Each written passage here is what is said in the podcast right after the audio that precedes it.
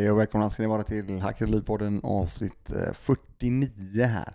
Här sitter jag då själv i den begynnande studion här hemma med en Roadcaster och så försöker jag på något sätt spela in den här podden själv eh, och helt utan min kollega Dr. Meddy som enligt honom själv då så är det ju jag då som smittade honom med coronan. Eh, vi får väl, eh, och jag får väl eh, kanske ta på mig det då, känns som det. Jag var negativ för förra veckan när vi spelade in förra avsnittet.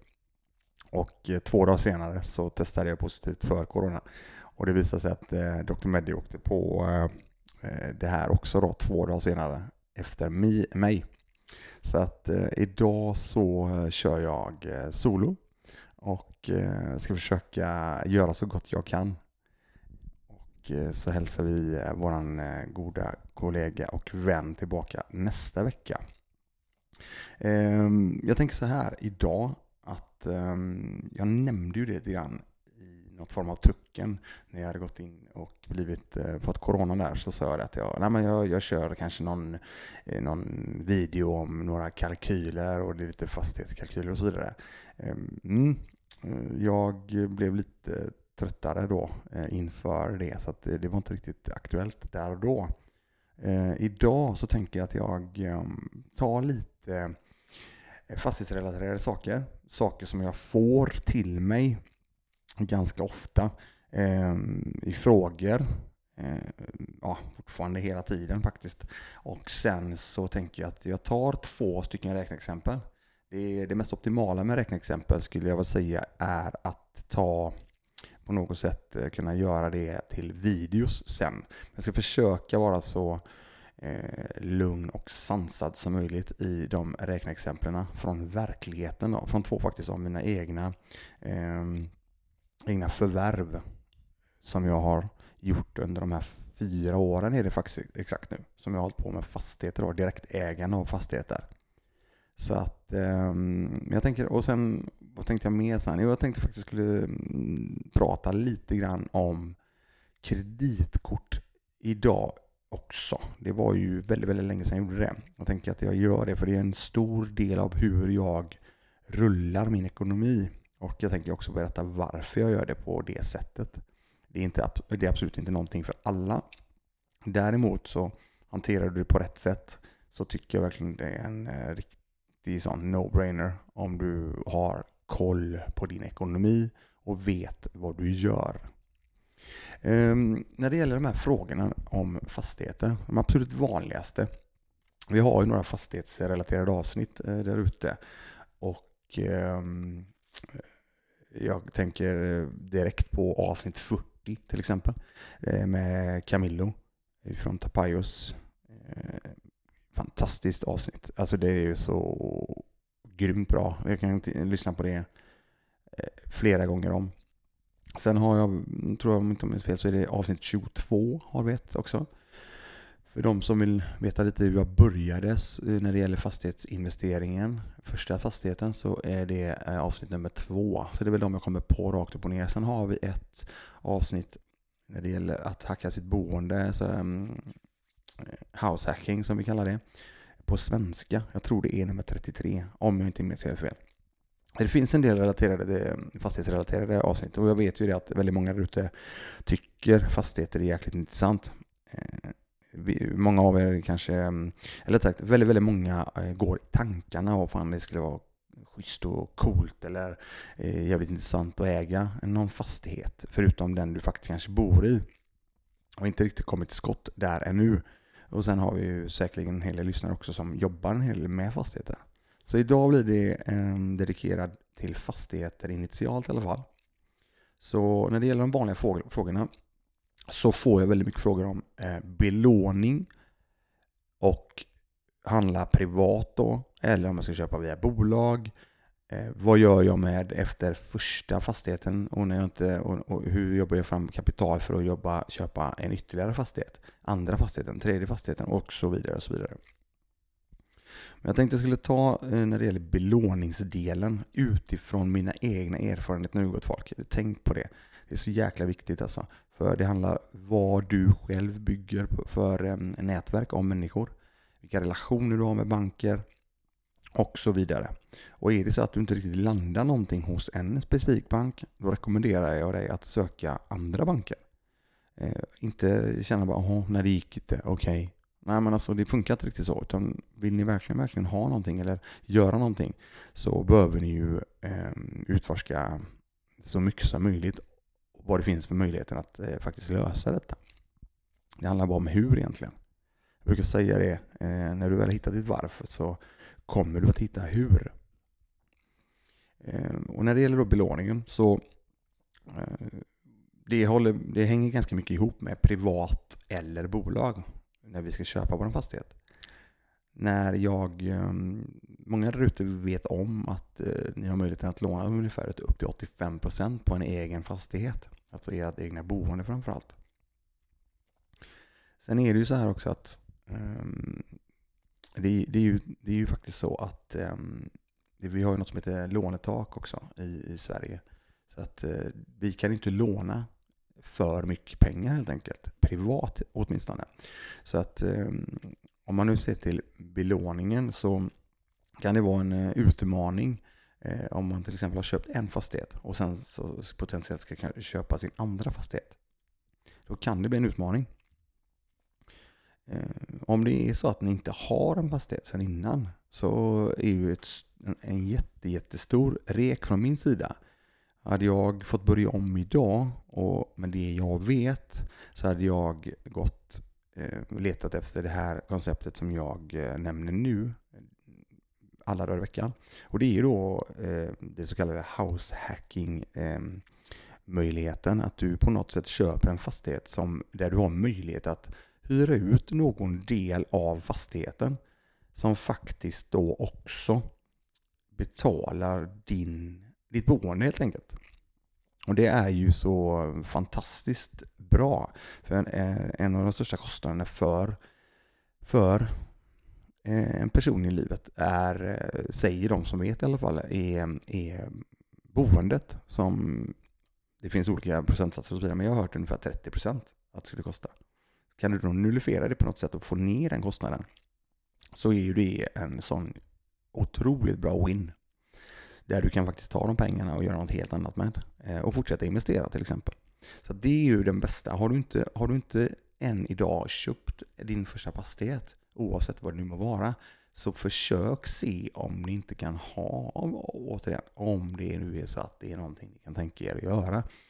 Jag hade ju lätt kunnat tänka mig att göra det i, i, när jag vet vad det faktiskt ger. För jag menar, när du väl, och när du väl betalar, låt säga, ja, du spar 30% egentligen, låt säga det, att det är 30% som du faktiskt spar på din eh, boendekostnad, när du bor gratis helt enkelt. Du använder de pengarna till något helt annat. Bygga upp ett kapital och göra precis samma sak Eh, till nästa eh, fastighet och så vidare. och så vidare. Ehm, sen så är det ju så här, som, tillbaka till det, att men du kan ju, kommer ju inte kunna göra det hela vägen. Utan du kommer att behöva gå in och ehm, lyfta mer kapital. Och det gör, tycker jag då, det gör, man, eh, gör jag enklast via att jag har, köper mina fastigheter via bolag. Men har, jag möjligheten så hade jag absolut kunnat tänka mig att ehm, Eh, ta Eh, så mycket belåning eh, privat som möjligt när det gäller att köpa fastigheter. Sen har jag då, mm, ja, jag har varit ganska tydlig med det, jag har ju alla mina bolag, alla, alla mina fastigheter i, eh, i ABn helt enkelt. Och där är ju då, tillbaka till belåningen, så är ju belåningen där annorlunda. För det första så är det inte, beroende på vad du ska köpa för fastighet, så är det inte alls lika lätt att få lån. Det vill jag flagga för. Det handlar om att bygga, som jag sa, relation med banken eller banker. Eh, ha en bra pitch, sälja in sitt case på ett bra sätt och ehm, så vidare. Eh, det som är utmaning enligt min egna, eh, enligt min egna mm, känsla är Eh, till exempel eh, köpa lägenheter via bolag. Det är någonting som banken, ganska många banker, eh, reagerar över. Många gånger så tror de att det rör sig om någon form av spekulation och så. Det är det ju absolut inte i det här fallet. I alla fall inte för mig på något sätt. Sen tror jag säkerligen också att det kan vara eh, lite utmaning att göra detsamma med ett eh, 220-hus. Det är i och för sig inte någonting som jag har någon erfarenhet av. Det är min känsla bara. Eh, och, ehm, men om man, om man ser till exempel till en um, hyresfastighet då. Som, ehm, um, eftersom jag nämnde avsnitt nummer två, det min första fastighet. Det var ju sju lägenheter. Den eh, köpte vi faktiskt privat. Det var den första fastigheten den köpte vi privat. Där gick vi in och där fick vi faktiskt en belåning på 75% belåning på den hyresfastigheten. Som, eh, däremot så gick, jag in, eller gick vi in och la 30% eget kapital initialt. Jag tänkte jag skulle ta den eh, som ett räkneexempel också, förklara och berätta lite grann om den och hur jag tänkte där och då. Idag ligger inte, ligger inte det privat, utan det ligger i ett bolag. Så att där, därav har jag alla, eller allting eh, när det gäller fastigheterna, förutom den privata bostaden, så ligger allting i bolag. Och eh, jag tycker det är ganska behagligt, för då slipper jag tänka på eh, det här med, eh, ja, när det gäller ehm, lånetak, ehm, hur mycket du får låna till exempel beror på din lön och så vidare. Och så vidare. Ehm, med det sagt så är det ju så att det ska inte hindra er från att köpa fastigheten. Menar, eh, den frågan får jag. Privat eller bolag? Det första jag sökte det var privat eller bolag när jag skulle göra min första mm, fastighetsinvestering. Jag tror fortfarande den, om man söker på det så tror jag fortfarande det finns en, det finns en eh, någon insändare eller något reportage var det. Där det var, det var någon reporter som ställde den här frågan till fem av de största eh, fastighets... eh, personerna eh, då och framförallt, ja de fortfarande ska jag säga. Där de faktiskt svarar på att det spelar egentligen ingen roll, det handlar egentligen bara om att komma igång. Och jag tycker den är bra, jag tycker verkligen det, för att det ska inte stå och falla med privat eller bolag i det här fallet. Utan det är mer en, alltså ja visst, landa i någonting och gör förvärvet. Förutsatt såklart då att kalkylen stämmer. Känslan är där. Ehm, du har gjort din DD, alltså due diligence på området, på, eh, på fastigheten. Alltså det finns ju så, det finns ju ganska mycket som ska lira eh, inför att eh, du ska mm, ja, trycka på knappen och köra. Det är väl också någonting jag tycker är rätt eh, trevligt med fastigheter. Om jag, om jag nu tar en parallell till börsen.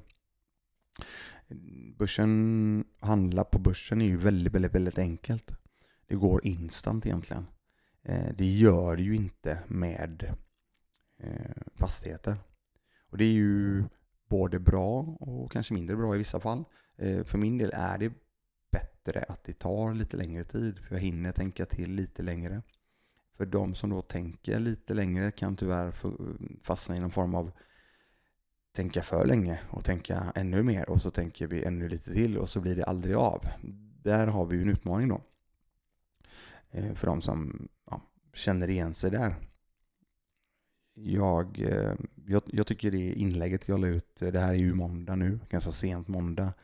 Ehm, jag la ut inlägget igår tror jag det var. Det var mm, jag tror det var Napoleon Hill, har jag för mig, som sa det att fan, vi, vi kan inte vi kan inte um, lära oss allting om vi inte försöker. Liksom. Alltså, det gäller ju att kasta oss ut då. Um, jag ska se här, uh, vad fan sa den? Napoleon Hill, precis. Don't wait, the time will never be just right. Och sen så hängde jag med min dator som jag sitter med här. Det var ju klockrent. Uh, jag ska ta den igen här. Um, vi tar den igen. Här så. Don't wait. The time will never be just right. Start where you stand and work whatever tools you may have at your command. And better tools will be found as you go along. Den här tycker jag är så jäkla bra. Den är verkligen, det är extremt talande. Om jag nu ser till min första, nu är det talar om fastigheter, om jag ser till den första fastigheten. Eh, för det som inte lyssnar på avsnitt två kommer förstå exakt vad jag menar efter jag läst det som Napoleon Hill sägs och sagt. Så att, eh, mm, det, det, det, det är väldigt, väldigt mycket intressant i det som han säger där. Eh, men tillbaka i alla fall till eh, fastighetsrelaterade frågor. Jag får ju också, jag var ganska, ganska sent jag berätt, började, berättade om att jag faktiskt investerade en hel del i lägenheter också, inte bara hyresfastigheter med ehm, lägenheter, alltså hyreslägenheter, utan jag, jag, jag har ju även ett ben som jag kallar det inom eh, bostadsrätter. Så jag köper singellägenheter helt enkelt, eller lägenheter i bostadsrättsföreningar som tillåter att juridisk person får köpa och andrahandsuthyrning är tillåten. Det är ju någonting som specifikt står många gånger i annonsen. Det står även i stadgarna och så vidare. Och jag tänkte att eh, det är någonting som, ehm, som är ganska eh, ja, som, som jag har då, som, som jag har gjort ganska mycket. Och jag tänker att jag, jag tänkte jag skulle ta med en av de räkneexemplen också på en lägenhet eh, som i det här fallet gick väldigt, väldigt bra. Eller har gått väldigt, väldigt bra. Så jag tänkte att det finns olika scenarier på, eh, på de här. Så ni får ta detta för vad det är. Däremot så är det eh, helt sanna siffror ifrån verkligheten. Och eh, det jag vill ha sagt med det när det gäller lägenheter nu tappar jag tråden helt där faktiskt när jag sitter och pratar själv i, mitt lilla, i min lilla studio här. Så att jag släpper den för stunden och ehm, går över till att börja med räkneexemplen. Eh, tanken är väl att jag eh, på något sätt ska kunna sen också visa de här kalkylerna. Jag, eh, för de som undrar nu, en av, ett av räkneexemplen kommer vara på den första fastigheten. Och det finns faktiskt den kalkylen med. Den kalkylen ligger på mm, eh, Hackade Liv-kontot på IGTV ett av de senaste inläggen så finns den kalkylen där. Jag har fått väldigt många förfrågningar på det. Ja, men hur kan man, kan jag, kan jag låna eller kan jag ta den här på något sätt? Har du den här på fil eller och så vidare? Eh, jag rekommenderar alla så fall att gå in på hackaretliv.se och signa upp för nyhetsbrevet där. För då tänker jag att jag gör så här. Jag är extremt emot, mycket emot eh, spam och så vidare. Jag har fortfarande inte skickat ut något nyhetsbrev ännu. Och jag kommer att göra det här nu i slutet av den här månaden, tänkte jag. Och där tänker jag dela med mig av den här kalkylen som jag tycker är ett bra screeningverktyg, som jag brukar säga. Alltså för att screena eh, objekt, fastigheter, eh, lägenheter och så vidare Eh, funkar, funkar alldeles utmärkt tycker jag. För att se om jag eh, är intresserad av att gå vidare och titta djupare då. Och eh, som jag sa tidigare, due diligence, kolla mer djupt in på fastigheten, område, hyresgäster. Alltså det, det finns väldigt, väldigt mycket mer utöver det. Men är kalkylen där, då kan man ju faktiskt gå djupare. Eller också kan man då sortera bort väldigt, väldigt mycket objekt. Annars så är det väldigt lätt att det kan bli överöst av ehm, objekt. För det finns väldigt mycket där ute. Och det kommer, och det är också en bra grej att säga det för jag har enligt mig själv vad jag trodde och tyckte att jag, jag missade vissa objekt. Och eh, kände bara fan jag kommer aldrig hitta de här igen. Eller respektive, eller rättare sagt. Det, det går, eh, min morsa sa alltid en, en grej till mig och det, hon sa det att det, det är ingen fara Christian det går fler tåg. Eh, alltså, så att det ligger väldigt mycket i det, så det är en bra grej att ha med sig. Så att eh, ni kommer ju förmodligen också kanske någon gång förlora några budgivningar och så vidare. Det Kan kännas eh, mindre bra. Men återigen, det, det, det, det går fler tåg som sagt. Så det är bara att fortsätta nöta. Och då tycker jag det här screeningverktyget är väldigt, väldigt bra. Jag ska säga så här. Eh, det är inte någonting jag uppfunnit på något sätt själv. Utan jag har ehm, helt fullt rippat den kalkylen rakt av Bigger Pockets som jag ehm, även pratat mycket om i ehm, podden sedan tidigare. Det är ju där jag eh, lyssnat och lärt mig det absolut mesta jag kan inom fastigheterna när jag väl eh, drog igång. Sen har jag såklart lärt mig då, som eh, Napoleon Hill här eh, faktiskt eh, skrev och det jag läste upp. Jag har lärt mig, eh, lärt mig extremt mycket genom att faktiskt ehm, eh, ha köpt och investerat fastigheter och, eh, och förvaltat fastigheter under de här fyra åren.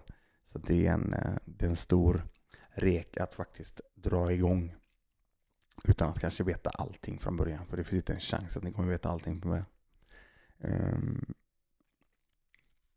mm, Ehm, um, säga, tillbaka till eh, det här när vi ändå pratar om eh, lägenheter och eh, hyresfastigheter här. Så jag tänker att eh, jag tar väl den här eh, kalkylen på det första, den eh, första fastigheten och berättar lite grann om den. Mm, mer ingående tänkte jag, eller ingående, jag tänkte jag går uppifrån och ner i den här kalkylen. Eh, jo, tillbaka till det förresten med eh, nyhetsbrevet då. Min tanke var ju då såklart att eh, skicka ut inte bara den i det här nyhetsbrevet utan jag eh, tänkte skulle försöka lägga med lite mer saker som jag eh, ja, som funkar för mig och eh, försöka ge, ge, så mycket mervärde som möjligt. Däremot så kommer då den här eh, kalkylen ligga med här i. Och, eh, ja just det, och den har jag ju då helt enkelt saxat rakt av från eh, Biggie Bigger Pockets. Inte alls lika fancy som de har, utan jag har en ganska enkel Google-kalkylark som funkar för mig. Eh, men jag tänker börja med eh, den här fastigheten igen då. Det är en fastighet som för fyra år sedan den första fastigheten. Och där eh, vill ni, hela, ha, vill ni ha hela storyn om hur faktiskt det här till, eh, kom till så lyssna på tvåan som jag sa förut. Det, det, är, en, det är en jäkla story. Ehm, och då, det var kanske inte eh, det mest djupgående due diligence som jag har gjort i ehm, mina dagar. Jag lär mig hela tiden. Men priset på fastigheten i alla fall, det är en viktig grej att ha med i en kalkyl. Så att den låg på 2 550 000. Eh, hyresintäkterna på plats där och då enligt eh, säljarens då, enligt eh, i det här fallet var det ju på objektvision som jag hittade det här caset. Eh, en, ja, det finns lite olika eh, sidor ute, men objektvision i alla fall. Där eh, det var den eh, ingången som jag hade lärt mig där och då. Driftkostnaden var på 78 789 kronor. För att då få reda på det så kallade, vilket är väldigt, väldigt viktigt eh, när det gäller hyresfastigheter.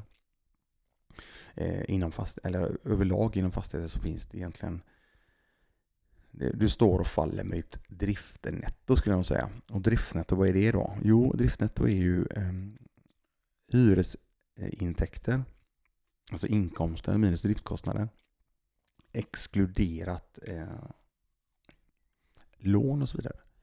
Så där har du då driftnettot. Eh, sen har du då, och ehm, i det här fallet så var det driftnetto på ehm, 231 531 kronor. Det var en kåk på 300, 300 eh, kvadrat och det var sju lägenheter. Ehm, sen finns det något som heter när du har driftnetto och du har pris på fastigheten då kan du alltså dela eh, driftnettot med priset på fastigheten så får du något som kallas direktavkastning. Eh, och det är eh, en ganska intressant siffra också. Det är ju någonting, det räcker egentligen att ha två av de här för att få fram den tredje helt enkelt. I det här fallet så var det en direktavkastning på över 9% Det är väldigt, väldigt högt. Eh, och då undrar man lite, okay, shit, hur fan kan man få direktavkastning på 9% Ja, i det här fallet så handlar det om att det var en och en halv timme utanför Göteborg. Ändå ganska hög, eh, hög eh, direktavkastning på, på den, ty, tycker jag väl själv fortfarande när jag ser det. Men så var det i alla fall. Och ehm, jag ehm, vann den budgivningen ganska intressant. De har legat ut den ett bra tag och ehm, fick Eh, banden den här helt enkelt. och det var, som jag sa förut, så var det så att den här var ju någonting ehm, jag, jag sålde in det här till, det var faktiskt Handelsbanken i det här fallet som hjälpte mig med den här. Och, ehm, och det var via en kontakt helt enkelt, så jag fick eh, en ingång och där jag ehm, kom väl förberedd till det här mötet, Eh, kommer jag ihåg. Och jag hade tagit ut, eh, gjort kalkyler så som jag hade lärt mig och berättade om mina tankar och vad jag såg med det här för möjligheter och, och så vidare. Som, som, som, som jag berättade tidigare att det handlar om att pitcha och eh, sälja in caset på ett bra sätt. Och I det här fallet så såg banken ehm, ja, såg att jag brann för det som jag, jag brukar kalla det jag var väldigt, eh, alltså jag försöker ju alltid, men eh, om jag, om jag verkligen vill någonting eller jag brinner för någonting, då blir jag mm, ganska entusiasmerande. Alltså, jag sagt, jag blir eh, jag blir engagerad i det jag gör och jag tror på det jag gör eller tror på det jag i det här fallet säljer. Då. Och det, det, det är ju det är någonting som är extremt viktigt i allting. Jag menar, ska jag stå och ska komma till banken och sitta där och eh, titta lite ner i bordet och flackande blick och ja, det här är jättebra det här tror jag. Alltså, det funkar inte riktigt så utan jag behöver verkligen, jag behöver ju bjuda på mig själv och jag behöver, jag behöver vara säker på min sak och vad jag vill och så vidare. Så att det, det, det ehm, gjorde väldigt mycket tror jag i detta. Att eh, banken trodde på eh, den här investeringen. Men framförallt trodde på mig. Det är en jätteviktig viktig sak att ha med. Det slutade i alla fall med att jag fick, ehm, vi fick faktiskt eh, lånelöfte på 75% belåning på den här. Och ehm, jag hade bestämt mig sedan tidigare i min kalkyl räknade jag med att lägga in 30% eget kapital för att i det här fallet då egentligen bara behöva betala 1% amortering. Det var så jag tänkte där och då. För att eh, ja, på ett eller annat sätt kunna eh, ha ett litet högre kassaflöde då. Ehm, och det slutade i alla fall med att jag fick, en, jag fick lånet på 1,7 miljoner, alltså eh, 1 miljon 785 000. Resterande del betalade jag eh, med eget kapital. Då. Det, ehm, och i det här fallet så blir det ju då att i, i, den, här, ehm, i den här kalkylen så brukar jag, eh, jag, jag har med tre olika eh, saker. Jag har med en schablon, alltså jag räknar på cash on cash, alltså vad är det jag faktiskt får tillbaka i pengar? Eller rätt sagt, i det här fallet så jag har både pengar och procent. Men i det här fallet så lärde jag mig i alla fall, jag har lärt mig att 12 procent cash on cash, det är, det är ändå schysst för att kunna gå vidare och titta lite mer. Ehm, då ja, kan man komma mm, eh, ja, då är det en bra grej att gå vidare. Jag, menar, jag visste inte så mycket mer än det, så att jag, jag gick ju på det här. Men återigen, det beror lite grann på, beroende på, jag menar, är det, känns det ändå okej okay och det finns potential att eh, ehm, addera värde på huset för att ytterligare höja driftnätet till exempel, då skulle man kunna tänka sig att gå lite, lite lägre på procenten. Då. Eh, men då gjorde jag så här att jag delade upp um, de här på, på, tre olika nivåer egentligen. För när du köper en fastighet, oavsett vad du köper, så får du alltid siffror då från säljaren. Och eh, de är väl inte alltid... Eh, de kan ju, jo, men det är så här. De kan absolut stämma för det året till exempel, för den, de faktiska driftkostnaderna. Eh, det kan absolut stämma. Däremot för att du ska kunna göra någon form av ja, det är jättesvårt det här, men en, någon form av övergripande eller få med så mycket som möjligt i en kalkyl. Så, ehm, så berättar då Biggie Pockets i det här fallet och jag förstår grejen och jag förstår även varför de tar höjd för att de, de räknar med 50 procent. Alltså i det, ehm, om man till exempel har hyresintäkter på 300 000 så, så drar man av 50 procent i drift och det är 150 000 då i det här fallet. Och varför gör man det då? vad ligger i de här 50 procenten till exempel? Ja, men då, då, då, kan, då är det till exempel vakanser till exempel. Som är någonting som inte alls ligger med i den eh, säljarens driftkostnader. Eh, sen har du till exempel potential, potentiell ehm, fastighetsskötare. Du har ehm, kommande eh, större mm, kostnader, till exempel som att du kanske behöver lägga om ett tak inom två år eller någonting. Då behöver man lägga undan pengar för sådana saker också. Så de 50 procenten tycker jag är väldigt, väldigt bra att ha med då, när man räknar. Det är, det är ganska det är inte bara via Big Box eller någonting, utan det är, det är ganska många som, som faktiskt räknar med det. Sen har du till exempel, banken har ju sina schablonsiffror. Ehm, de har ju, ehm, det senaste nu så har de väl en schablon på, jag tror det är 420 som jag fick ehm, på en fastighet som jag precis ganska nyligen skrev på. Då räknar de med 420 kronor per kvadratmeter i schablon. Så att i den här eh, kalkylen så har jag med de här olika för på, på lägsta utgifterna, alltså enligt säljarens uppgifter. Eh, jag har cash on cash på schablon, jag har cash on cash på 50 procent som jag kallar det. Och eh, den här första fastigheten den landade på, om man skulle gå enbart rakt upp och ner, på att säljarens siffror, vilket inte då, som jag säger, då hade det varit över 20 procent eh, i avkastning på eget kapital. I det här fallet så landade det på, när man körde på 50 procent då, så landade det på 11,25 procent. Då ska ni veta att det ligger med en amortering på um, Eh, i slutändan blev det faktiskt 2 procent amortering på den. Så att um, där ligger ju då de här amorteringspengarna med i de eh, uh, och undrar man, men vad fan, varför gör du det då? Ja, men det är ju ändå pengar som jag ska betala varje månad så att jag räknar ändå det som en kost där och då. Sen är det ju någonting som gör så att du faktiskt ökar det egna kapitalet på den fastigheten. Så det är också en viktig grej att ha med. Men det är så jag har gjort i alla fall. Det finns massa olika sätt att göra det här på så länge det lirar för er själva. Men det var i alla fall eh, den första, första, första fastigheten som jag eh, har investerat i då. Sen har det blivit en hel del till efter det. Och då tänkte jag att jag, när jag ändå håller på och har fått upp ångan lite, så tänker jag att jag, eh, jag tar även något helt annat. Och i det här fallet så, och det är någonting jag pratar om mycket då, det är ju lägenheter specifikt. Eh, och då tänker jag att jag eh, berättar om en av lägenheterna. Inte den första, men det är en av lägenheterna och där det faktiskt, ja, väldigt, väldigt trevligt. Så tänker jag att, fan, jag bjuder på den.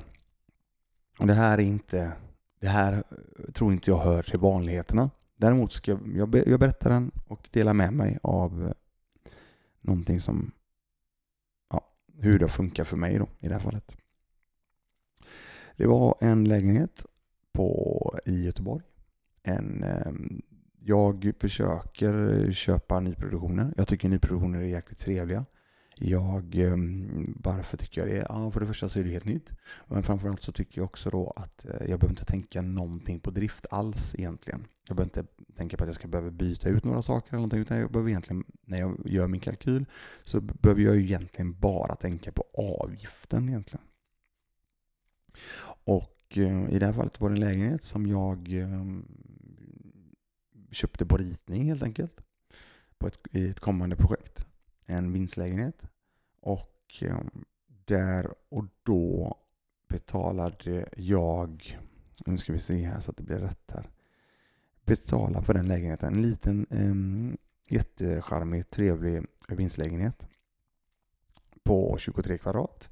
Den betalar jag, Eh, när jag signade så betalade jag 1 334 000 kronor för den här lägenheten. Eh, och då lägger man ju då även en handpenning, i det här fallet på 10 procent.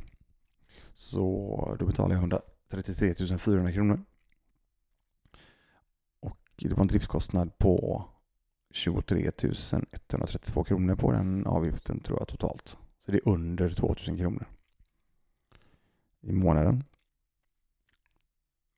Och där hade vi då, det är ju så här att alla de här lägenheterna som jag eh, köper. Eh, om man, om, om man backar bandet lite grann och, och tillbaka till hyresfastigheter. Där många gånger i, i det, de fallen så ärver du hyresgästen. Eh, ja, är det bra hyresgäster så är det ju jätte, jättetrevligt att vara hyresgäster. Är det mindre bra hyresgäster, ja då är, har du ett jobb framför dig. Det är ju också en bra grej att, att ta med sig när du gör, gör din due diligence när det gäller hyresgäster. Eh, om man går tillbaka då till eh, lägenheten, det är en nyproduktion. Eh, då gjorde jag ju så här att jag löste ju en hyresgäst från dag ett. Alltså, jag krattade i marknaden och löste hyresgäst inför den här tillträdet på den här lägenheten. Jag hade alltså då sagt ja till lägenheten och tillträdet skulle vara, jag tror det var, kunde vara tre, fyra månader framåt i tiden. Och då var det så här att jag ehm, och det fixade jag ganska, eh, fixade jag ganska omgående. När tillträdet börjar närma sig så eh, det visade sig ganska snart att eh, det var ju lägenheterna i huset gick upp ganska mycket. Så att um, inför tillträdet och inför då att, uh, med bank och så vidare, så um, gick det två lägenheter likadana för 1750, alltså 1 750 000. Så det var ju ganska mycket mer än vad jag faktiskt hade signat på och där jag även med betalt då en 10% i handpenning. Och eh, nu kommer vi in på det här med belåning och så. Eh, och att det, det är inte jätte, jättelätt att eh, få en belåning på lägenheter och även då att kunna göra det via bolag. I det här fallet hade jag fått en, en hade jag fått en belåning på 75 procent eh, i, i bolaget. Men det är ju som jag, som jag precis nämnde då så hade ju faktiskt värdet på den här lägenheten gått upp då i samband med att två lägenheter likvärdiga eh, i samma hus och eh, diktan eh, Eh, gått för så pass mycket mer. Då talade jag med banken om det och visade då eh, värderingarna på de här, eh, på den här lägenheterna. Och det slutade faktiskt med att jag fick den samma värderingen. Och ni som eh, räknar lite grann så märker ni det ganska omgående att fan, fan Christian, då behövde du förmodligen inte betala så jävla mycket mer eget kapital. Nej, det stämmer faktiskt. För att det slutar ju med att som värdet har gått upp till 17,50 och jag fick en, ehm, en belåning på 75 procent, vilket fortfarande var 75 procent. Men eh, det slutade med att jag fick en finansiering på 90 procent. För jag behövde inte betala någonting mer av eget kapital. Så att det var ju, ehm, och då förstår ni ju då också att eftersom jag betalar så pass mycket mindre pengar eget kapital, då blir ju helt plötsligt avkastningen väldigt, väldigt mycket högre.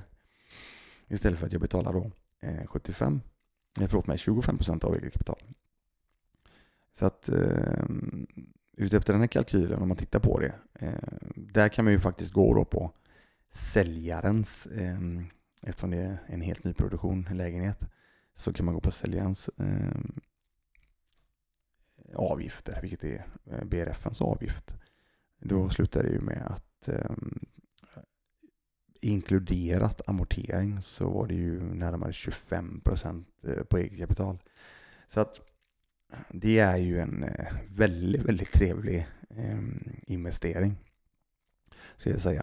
Sen är det ju så här att alla är ju inte sånt här på något sätt. Däremot vill jag bara förklara att det finns möjligheter att faktiskt få till det på det. Mm, ja, ibland så, ibland så landar du någonting som är riktigt, riktigt bra. Och ibland så kanske du inte kommer hela vägen i mål. Men återigen, det är ändå det är ganska trevligt med fastigheter. När det gäller eh, jobbande, av, jobbande med egna, egna kapitalet och eh, potentiella mm, värdeökningar och, eh, och, och, så vidare. Och så vidare. Sen, eh, sen, sen har ni det finns, det finns mycket mer pros tycker jag, än cons. Eh, det är därför jag är ganska hårt viktat emot fastigheter. Så att ehm, där hade ni lite grann. Nu springer iväg här 40 minuter nästan uppe. Jag sitter här och pratat helt själv i min ensamhet. Ehm, mm, eh, men jag tänkte, jag tänkte jag, jag gör så här också då, eftersom jag nämnde det innan. Eh, vi släpper fastigheterna för stunden. Och jag tänker, jag vill, jag vill, jag gå tillbaka till det jag nämnde då, att jag vill, jag vill eh, slå ett slag för eh, kreditkort. För eh, jag, jag, jag, får faktiskt väldigt mycket frågor om de sakerna också. Och eh, om det nu är så att ni vill ha ännu mer ingående om kreditkort så gjorde jag faktiskt ett eh, tidigt avsnitt, nummer tre tror jag det var, om kreditkort och vilka jag använder och så vidare. Men eh, någonting som jag då, eh, eftersom vi ändå jobbar med, i det här fallet med, med, med fastigheterna då, som jag nämnde, så jobbar ju jag med other people's money, alltså andra människors pengar.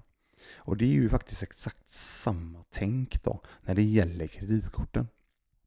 Där lånar jag ju egentligen pengar av någon annan. Där jag har en form av kredit. Och jag menar, eh, på de här kreditkorten, beroende på vilken ni använder, så har ni ju ändå upp till 60 dagars kredit.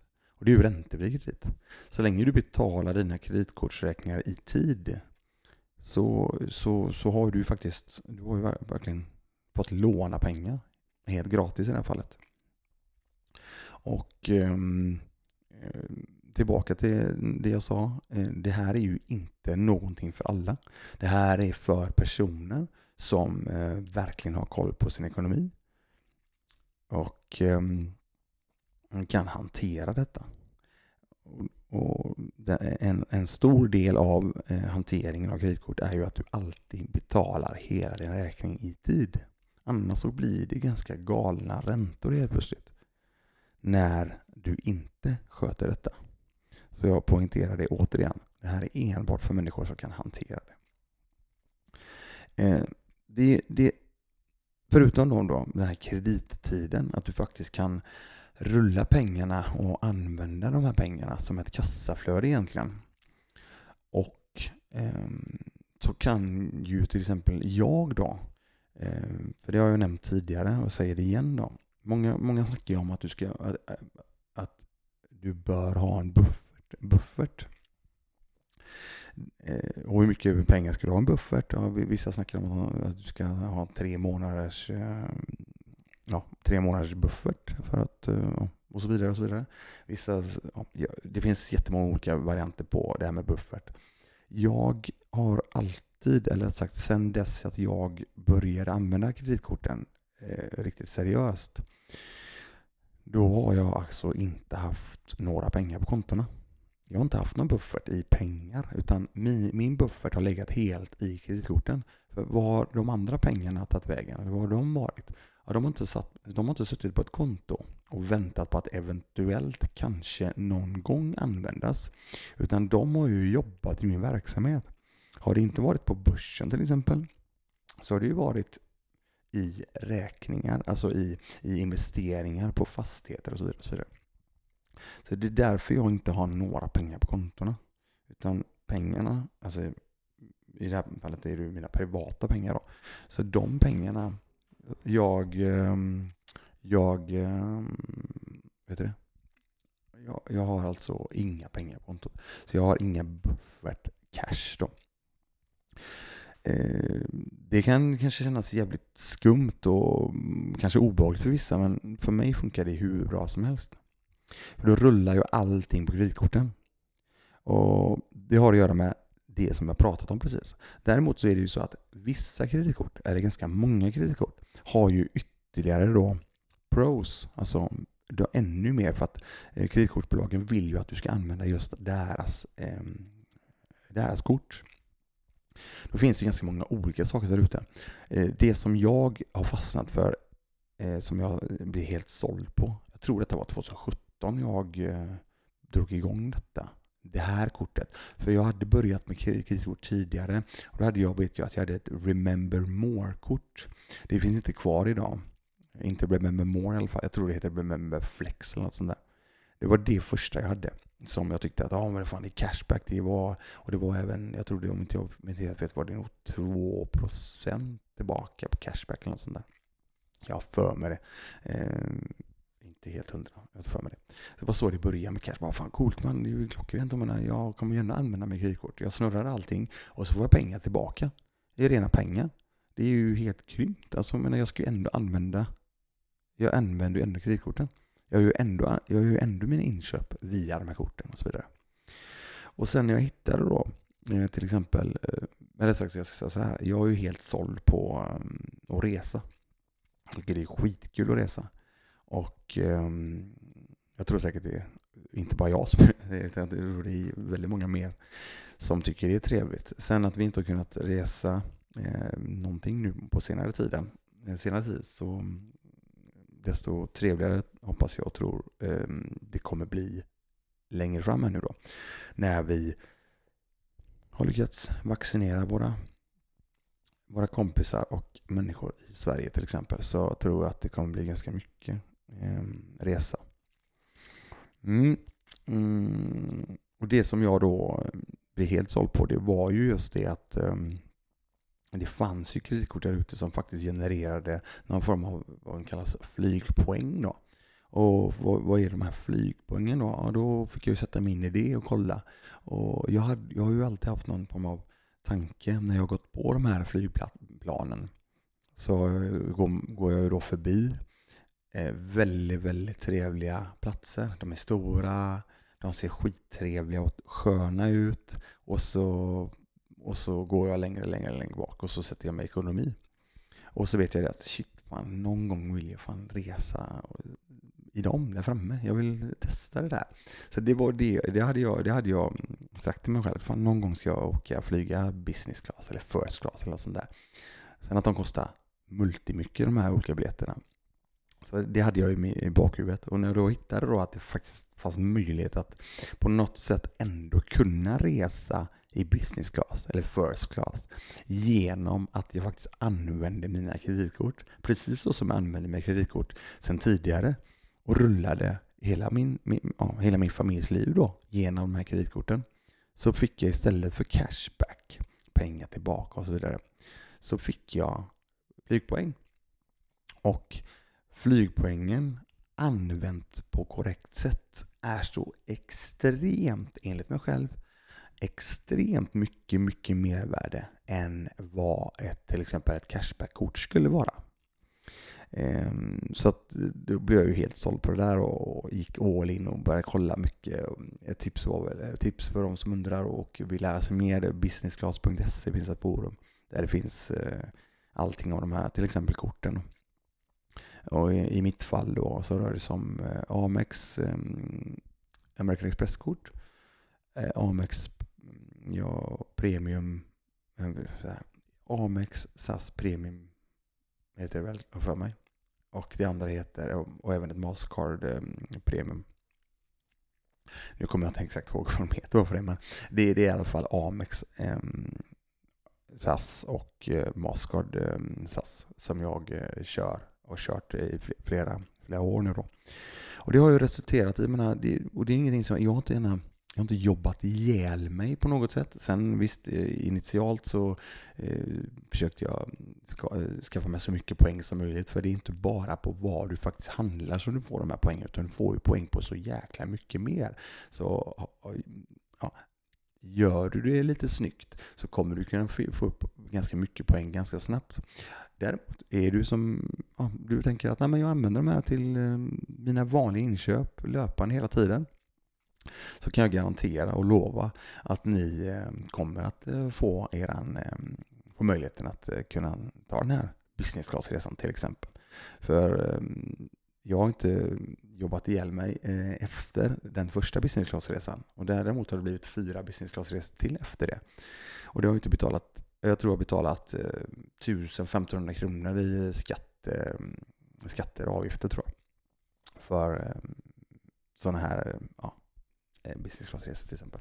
Eh, alltså, det är ju någonting som ni, ni, ni, bör kolla upp om ni tycker om att resa och ni ändå använder kreditkort. Det är en, för min del är det som sån otrolig no-brainer.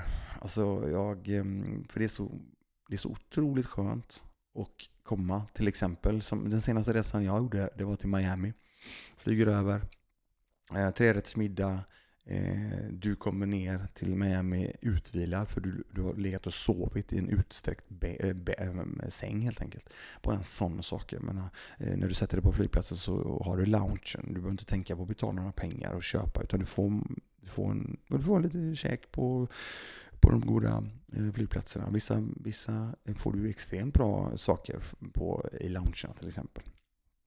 Eh, och, eh, och på andra lite mindre. Däremot så har du alltid ett, ett ställe och chilla, ta det lugnt, ladda batterierna lite extra. Så att det är inte bara det här att du får en business class, utan du får, du får ganska mycket mer än så. Så att det är en sån, ja, det är en det är, det är riktigt, riktigt coolt. Det. Framförallt eh, vet jag och tror att många säger men det vadå, det, hur lång tid tar det liksom och det kommer aldrig funka för mig och så. Men ja, nej, jag hade ungefär samma tankar eh, och jag har en hel del eh, kamrater till mig som hade exakt samma tankar. De har tackat mig väldigt många gånger om för att jag ens i närhet, eller eh, någon gång ens har berättat om detta och pratat om det. Och återigen, om någonting funkar för mig så pratar jag om detta med allt och alla. Så att eh, ni får ta det för vad det är. Det, det funkar i alla fall. Så att, ehm, ja, det är en, det är en stor rek. Och vill ni ha mer information om det här och hur du går tillväga så är det ju samma sak där. Jag har den eh, Alltså jag skapade ju såklart en guide då, för det blev så extremt mycket frågor och idéer och tankar. Så att då gjorde jag en guide på den här eh, hur du på ett eh, ganska enkelt och bra sätt kan flyga business class eller first class för den delen, på en vanlig lön. Som jag sa, och en vanlig lön för mig när jag skrev den, kom ihåg, då var det ungefär som min lön. Ehm, och i det tillfället, 2017, kan jag ha haft en lön på 26 kanske, 26-27 000 innan skatt. Och kan jag göra det så kan ju eh, väldigt, väldigt många mer göra samma sak såklart. Och inte bara för en själv utan även för sin familj då. Ja, gott folk. Um, jag har fått med det mesta som jag hade skrivit ner här. Jag får, sitter ju med en dator framför mig också så det, det är ju rätt trevligt. Jag hoppas att um, ni um, uppskattar det här lilla insticket solo ifrån min sida. Uh, det här var då avsnitt 49 och jag tänker att eh, jag ser fram emot eh, nästa vecka då vi eh, har Dr. Meddy med igen. Och eh, fram till dess nu då så hoppas jag att jag får ut den här och kan lägga ut avsnittet. Ja, det blir förmodligen så att den blir lite, lite sent på tisdagen. Det är väl det som är ja, vi får se var vi landar. Men jag gör allting jag kan för att få ut det i alla fall. Så Eh, och nu ska, ni, nu ska vi se här, nu har jag gjort så här också bara för att ni ehm, förklara mig här. Jag har ju då den här roadcasten. Det finns sådana olika knappar som är förinspelat. Så nu ska vi testa här. Jag höjer eh, outro-låten nu då. Och så sätter jag på den här nu. Så får vi se hur det går. Så tackar jag för idag och hälsar er hjärtligt välkomna tillbaka nästa vecka. Ha det så gott nu. Hej då!